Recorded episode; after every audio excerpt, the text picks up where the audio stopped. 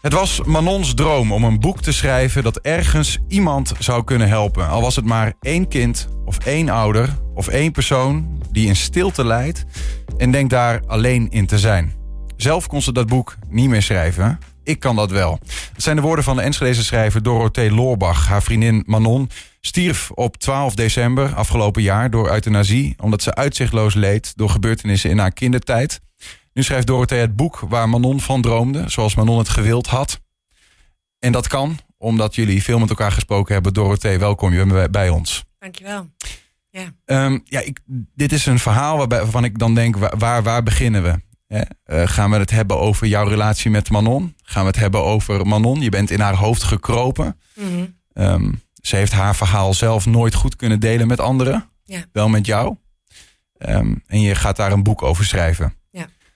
Misschien moeten we gewoon eh, beginnen bij Manon zelf. Ik heb een foto van haar. Dat is de enige die ik heb. Waarbij ze de Mont Ventoux heeft bedwongen in 2017. ja, klopt. Wie is Manon? Manon is net zo tegenstrijdig als deze foto, want op dit moment ging het eigenlijk helemaal niet goed met haar. Je kan ook wel zien dat ze heel mager was en eh, eigenlijk niet eh, de bouw had van iemand die de Mont Ventoux zou, eh, zou fietsen. Zeker niet op het weinige eten dat zij tot zich nam in die periode. Mhm. Ehm, maar dit was wel een van haar meest trotse momenten. Ze was een vechter. Ehm, ik leerde haar kennen zeven jaar geleden bij een eh, NLP practitioner opleiding. En eh, op de laatste dag gaf ze zich helemaal bloot aan de groep. Ik denk in de wetenschap, ik zie ze toch nooit meer. Maar eh, een van de medetrainees is blijven hangen en nog steeds een goede vriendin. En ik heb haar daarna nooit meer gezien, omdat ze verhuisd is van Enschede naar Zutphen. En ehm, ja, wie was ze?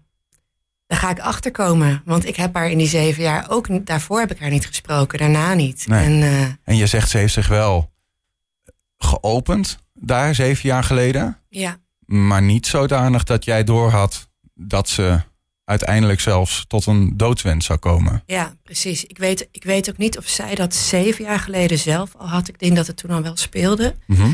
Ehm, ze ging toen ergens intern vanwege anorexia. En eh, besloot dat als ze niks zou doen, zou ze sterven door het niet eten. Ja. En ehm, dat wilde ze niet. Ehm, maar ze is toen, ehm, nou, toen volgde een periode van, van 12 jaar intensieve therapie, intern, extern, ambulant. Ze heeft alles aangegrepen en knetterhard gewerkt om haar jeugd te helen. Ze is op heel jonge leeftijd, heeft ze te maken gehad. Ja, ze, gewoon een heel onveilige jeugd, echt ondenkbaar onveilige jeugd heeft ze gehad.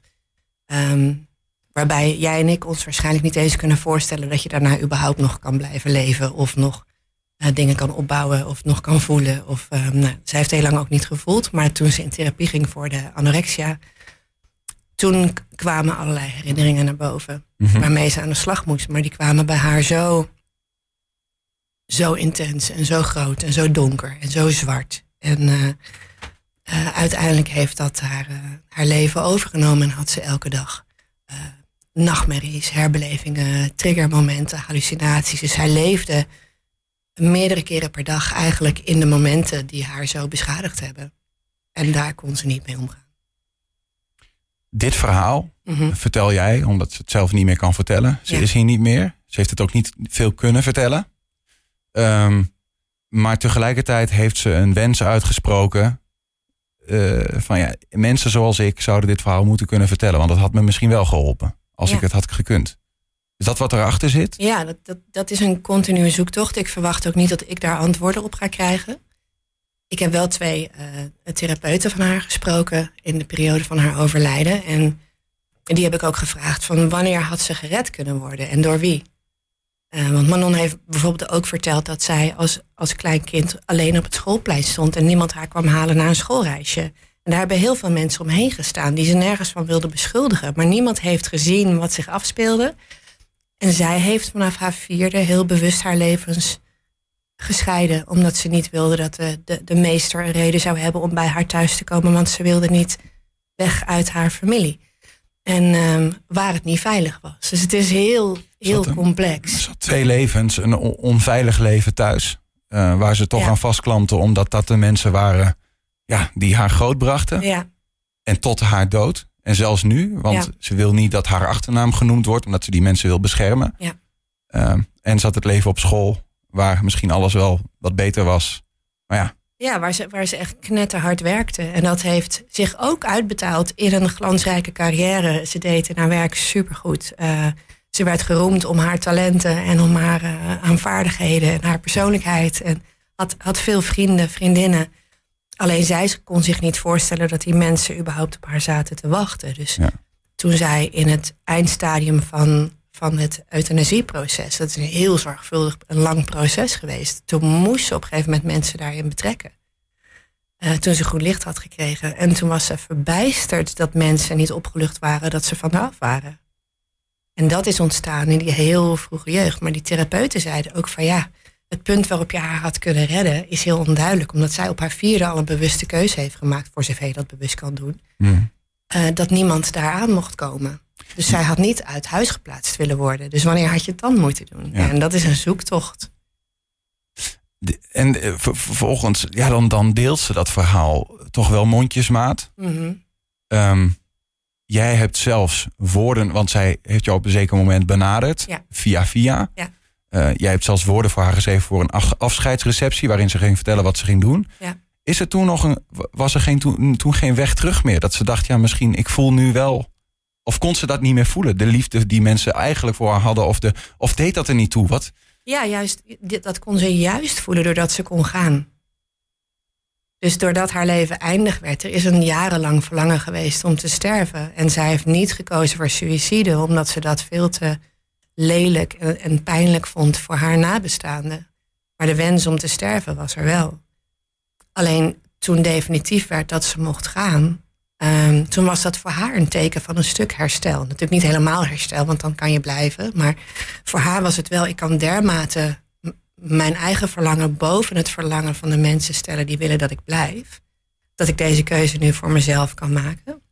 En doordat, ze, doordat het eindig werd, durfde ze zich open te stellen voor mensen. En durfde ze al die liefde toe te laten. Maar ze, ze heeft wel twintig keer tegen me gezegd: ik kan die liefde helemaal niet aan. Want ten diepste geloof ik nog steeds dat ik het niet verdien. Dus het is heel dubbel. Ja, wat een. Uh, het, is, het is ook. Uh, nou ja, aan de ene kant begrijpen we hoe dubbel het leven kan zijn. Aan de andere kant is dit misschien on, onbegrijpelijk voor mensen die niet door hebben gemaakt wat zij uh, heeft doorgemaakt. Ja. Daar gaat het boek ook niet over. Nee. Want dat, dat, dat zou ik niet kunnen schrijven. Ik zou het zelf niet kunnen lezen. Dus er zijn natuurlijk wel elementen. In het begin van haar leven is dermate onveilig geweest. Dat ze aan het eind van haar leven zo beschadigd was dat er geen fundament was om dat herstel op te bouwen. En dat ze deze keuze uiteindelijk heeft gemaakt om, uh, om te sterven. En daar uh, in dit geval gelukkig uh, toestemming voor heeft gegeven. Want sterven zou ze toch. Dan had ze het op een andere manier wel gedaan. Ja. Um, maar het gaat niet per se om het lijden. Het gaat vooral om hoe, hoe kun je er voor elkaar zijn. Hoe kun je, wat is er voor nodig voor een mens om er überhaupt te kunnen zijn. Ja. Um, wij, wij, we maakten een grapje toen tegen de tijd dat, dat ik schreef eerst een tekst voor de afscheidsborrel waar ze bij was. En toen zei ik van nou, dat, dit lijkt me echt het meest verschrikkelijke feestje voor jou dat ik me kan voorstellen. Want er is eten, er is drank, er zijn heel veel mensen in staat in het middelpunt. En toen zei ze, ja, ik overweeg inderdaad om, uh, om niet te gaan. Dan kunnen ze er vast aan wennen. ze is gelukkig wel, uh, wel gegaan. En toen kwam de uitvaart, waar ik een andere tekst voor heb geschreven, omdat daar veel meer mensen naartoe zouden komen. En mogelijk ook familie. Mm -hmm. En um, toen zei ik, dit is voor jou het ultieme feestje. Want hier kan je zijn zonder er te hoeven zijn. En toen zei ze, ja, dat is uiteindelijk de essentie van mijn verhaal. Dus um, ja, Terwijl ze, ik neem toch, ja, neem toch aan uh, uh, dat er een tijd was waarin ze dit niet had gewild. Dat ze gewoon door had geleefd. Maar dit was onvermijdelijk met de bagage die ze mee had. Ze had heel veel wensen en dromen. Ik, heb, ik heb het met haar ook over haar kinderwensen bijvoorbeeld gehad. Het was voor haar extra pijnlijk de laatste jaren, omdat veel vrienden van, vriendinnen, vrienden van haar kinderen kregen. En ze, ze die wens wel had, maar ze haar genen niet wilde doorgeven. En wist dat ze, dat ze niet gekwalificeerd was, in elk geval in haar hoofd, om een kind gezond um, ja, op de wereld te laten bestaan, omdat ze dat zelf niet meegekregen had. Dus er zitten zoveel complexe elementen in. Ze had een enorme levenslust, maar als ze thuis kwam, was ze weer in die nachtmerrie. Ze is niet helemaal uh, gegaan, als in ze heeft mhm. jou een expliciete vragen gesteld. Ja. Ook aan de andere mensen die we op deze foto zien. Dat Ja. zijn eh, Ellie, jij bent links. Dan Ja. hebben we Ellie en Wanda eh, van links naar rechts naast jou. Eh, allemaal vriendinnen van Manon. Ja. Jullie doen dit met z'n drieën. Nou, eigenlijk nog met, met veel meer mensen. Maar Ellie is een studievriendin van Manon, eigenlijk haar beste vriendin. Ehm, en eh, Wanda heeft Manon een paar jaar geleden ontmoet. Zij werkten ook samen. En zij kenden elkaar ook niet. En ik kende hen niet. We kennen haar alle, allemaal uit verschillende fases en locaties. En daaromheen zit nog een groep van 10, 12 vriendinnen... die ook heel dicht bij Manon stonden. Ja. En, ehm, en het is eigenlijk iets van met z'n allen. Maar ik zou het in eerste instantie alleen doen. Ik heb Manon alleen beloofd, ik ga jouw boek schrijven. En toen, in, ja, toen kwam ik heel dichtbij in, bij het overlijden en in het waken. En in de week van het waken eh, zagen Ellie, Wanda en ik met elkaar veel. En toen besloten we om het met z'n drieën in elk geval te doen. Mhm. En, eh, en, en de rest van die groep is daarbij aangehaakt eh, op de achtergrond. En er komt een stichting om, omdat we meer willen kunnen doen van hieruit. En daar, zullen, daar zullen zij op een bepaalde manier ook bij gaan aanhaken. Ja. Dus, eh, Hoe zou je, als je het boek in een notendop eh, zou moeten beschrijven zoals je het nu gaat zien? mhm. Eh, want het wordt trouwens meer dan een boek, daar komen we zo wel op. Ja. Maar hoe zou, je, hoe zou je dat dan omschrijven? Want het is niet per se haar levensverhaal dus. Nee, nee. Je gaat ook met experts in gesprek. Wat, wat, wat gaan we daarin zien? Ik heb, ik heb geen idee wat het wordt. Zij wilde eigenlijk haar biografie. En toen heb ik gezegd, dat kan ik niet schrijven. Dat zou ik niet eens willen of kunnen lezen. Want ik weet, van, ik, ik weet ook van, van, van hoe rauw haar levensverhaal is. En dat moet je maar net aankunnen als lezer en als schrijver. Kan ik niet, wil ik niet.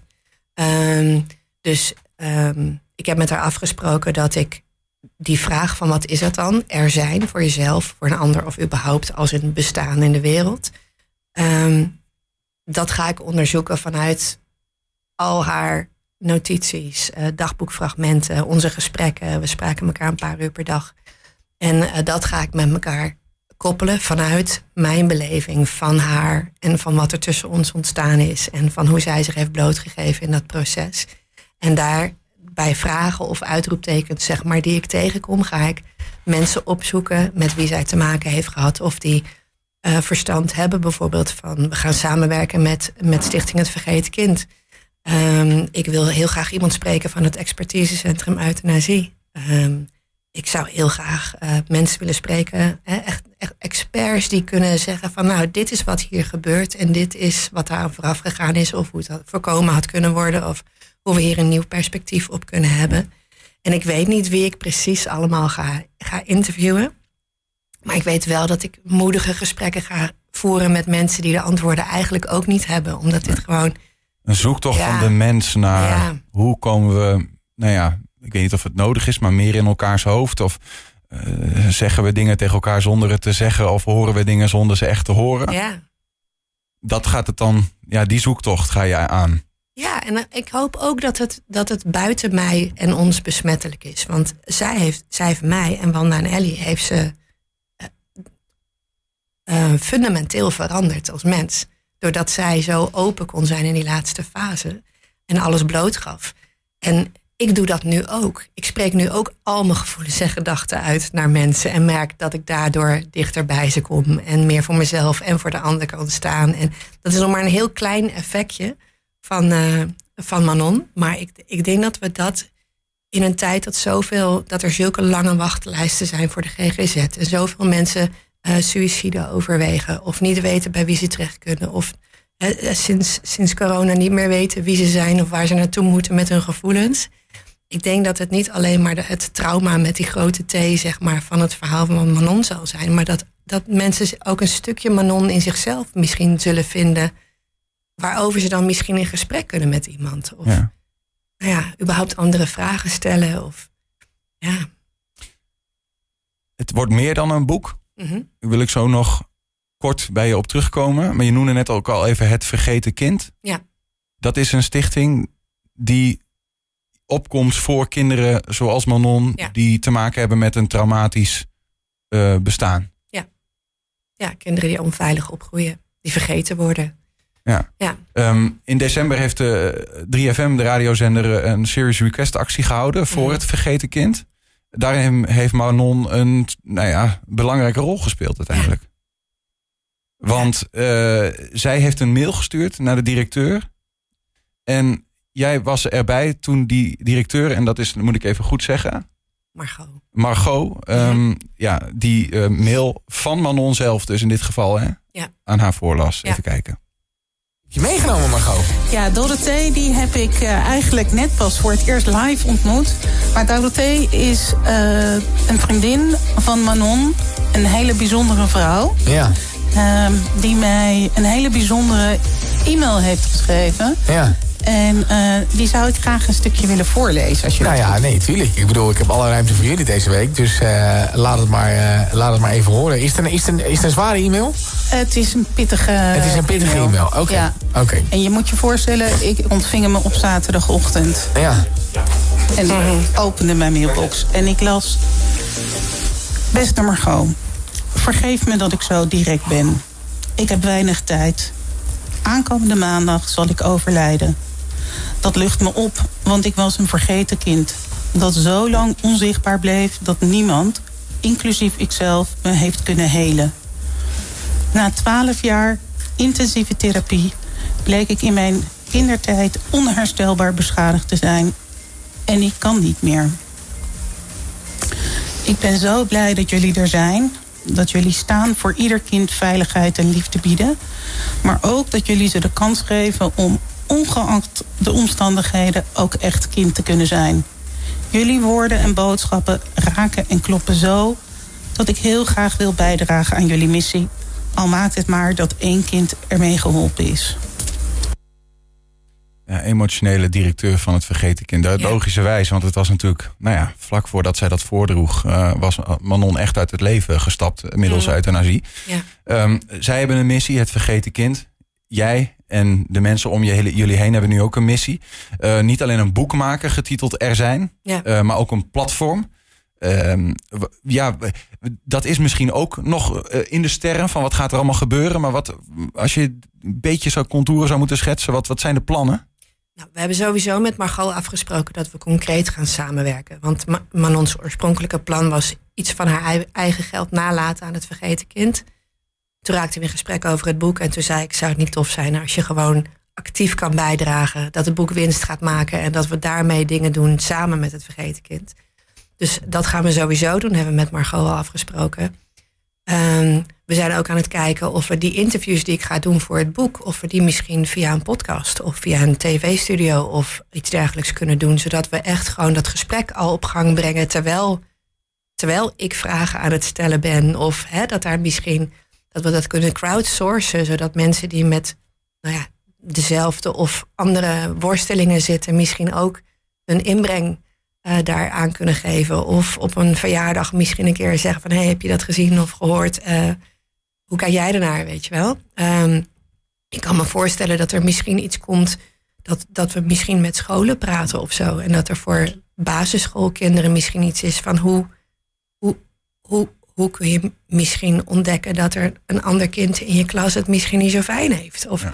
het zou van alles kunnen zijn. En dat ja. gaat tijdens het schrijven van het boek. Daarom heb ik ook geen script voor het boek. Dat ontstaat gewoon door mijn gedachten en gevoelens op papier te zien ontstaan en daar vragen bij te stellen en mensen aan te koppelen.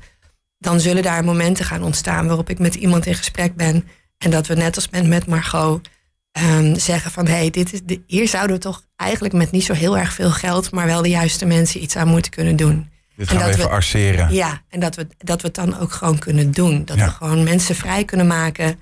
En tijd vrij kunnen maken. Energie eraan kunnen geven. En dat we dan echt daadwerkelijk uit Manons naam. En misschien ook wel groter dan Manon iets kunnen betekenen. Het is, het is bijna als een tang op een varken bij zo'n onderwerp. Maar hoe, betaal, hoe betaal je dat? Want uiteindelijk moet je ook leven. Hè? Ja. Dat, uh, ja, ja, Manon is er niet meer. Hoe, werkt, ja, hoe werkt dat? Ja, nou dat was een van de eerste dingen die ik tegen haar zei. Um, toen ze zei, wil je mijn boek schrijven? Want ik zat hier een paar jaar geleden, toen had ik het boek Blut geschreven. Dus ik heb wat dingen geleerd. Dus dat moet je financieren. Dus we zijn het meteen uh, in de week na haar overlijden... zijn we een crowdfund campagne gestart. Die heet ook Er Zijn. En het doel voor het boek was 10.000 euro. En dat hebben we al ruim overschreden. We hebben nu al 14.000 euro opgehaald. Dat gaat over een aantal weken in die stichting. Ons einddoel is 25.000 euro, zodat we dus ook die projecten die gaandeweg ontstaan, um, zodat we ons kunnen veroorloven om daar uh, tijd aan te geven. En uh, daar gaan we hele mooie dingen mee doen. Dus uh, we hopen dat het nog even doorloopt en dat we steeds meer kunnen gaan doen. Ja, dus mensen kunnen bijdragen. Gewoon ja. heel, ja, heel, heel, graag. heel, fysiek, heel, heel letterlijk. Ja. Um, supp.to sub.to slash r streepje zijn. Ja. Dat is... Uh, en Enschede's platform nog wel. Ja. dat wilde Manon heel graag. Ja. Enschede's platform, sub.to slash er zijn. Um, uh, Dorothee, dankjewel voor, voor, je, voor je openheid hier. En uh, veel wijsheid. Wat je dan ook nodig hebt om uh, te schrijven... om uh, ja, misschien wel de mensheid met elkaar een stukje vooruit te helpen. En nou ja, dat er één persoon, um, wie dan ook, geholpen zal zijn. Met het verhaal van Manon en wat zij wilde vertellen. Die is er al. Op de uitvaart kwam een jongen naar me toe en die zei: Ze heeft mij al gered. Nou, dus hij, hij, is er al, maar we kunnen nog meer mensen helpen. Ja. Dankjewel dat je er was.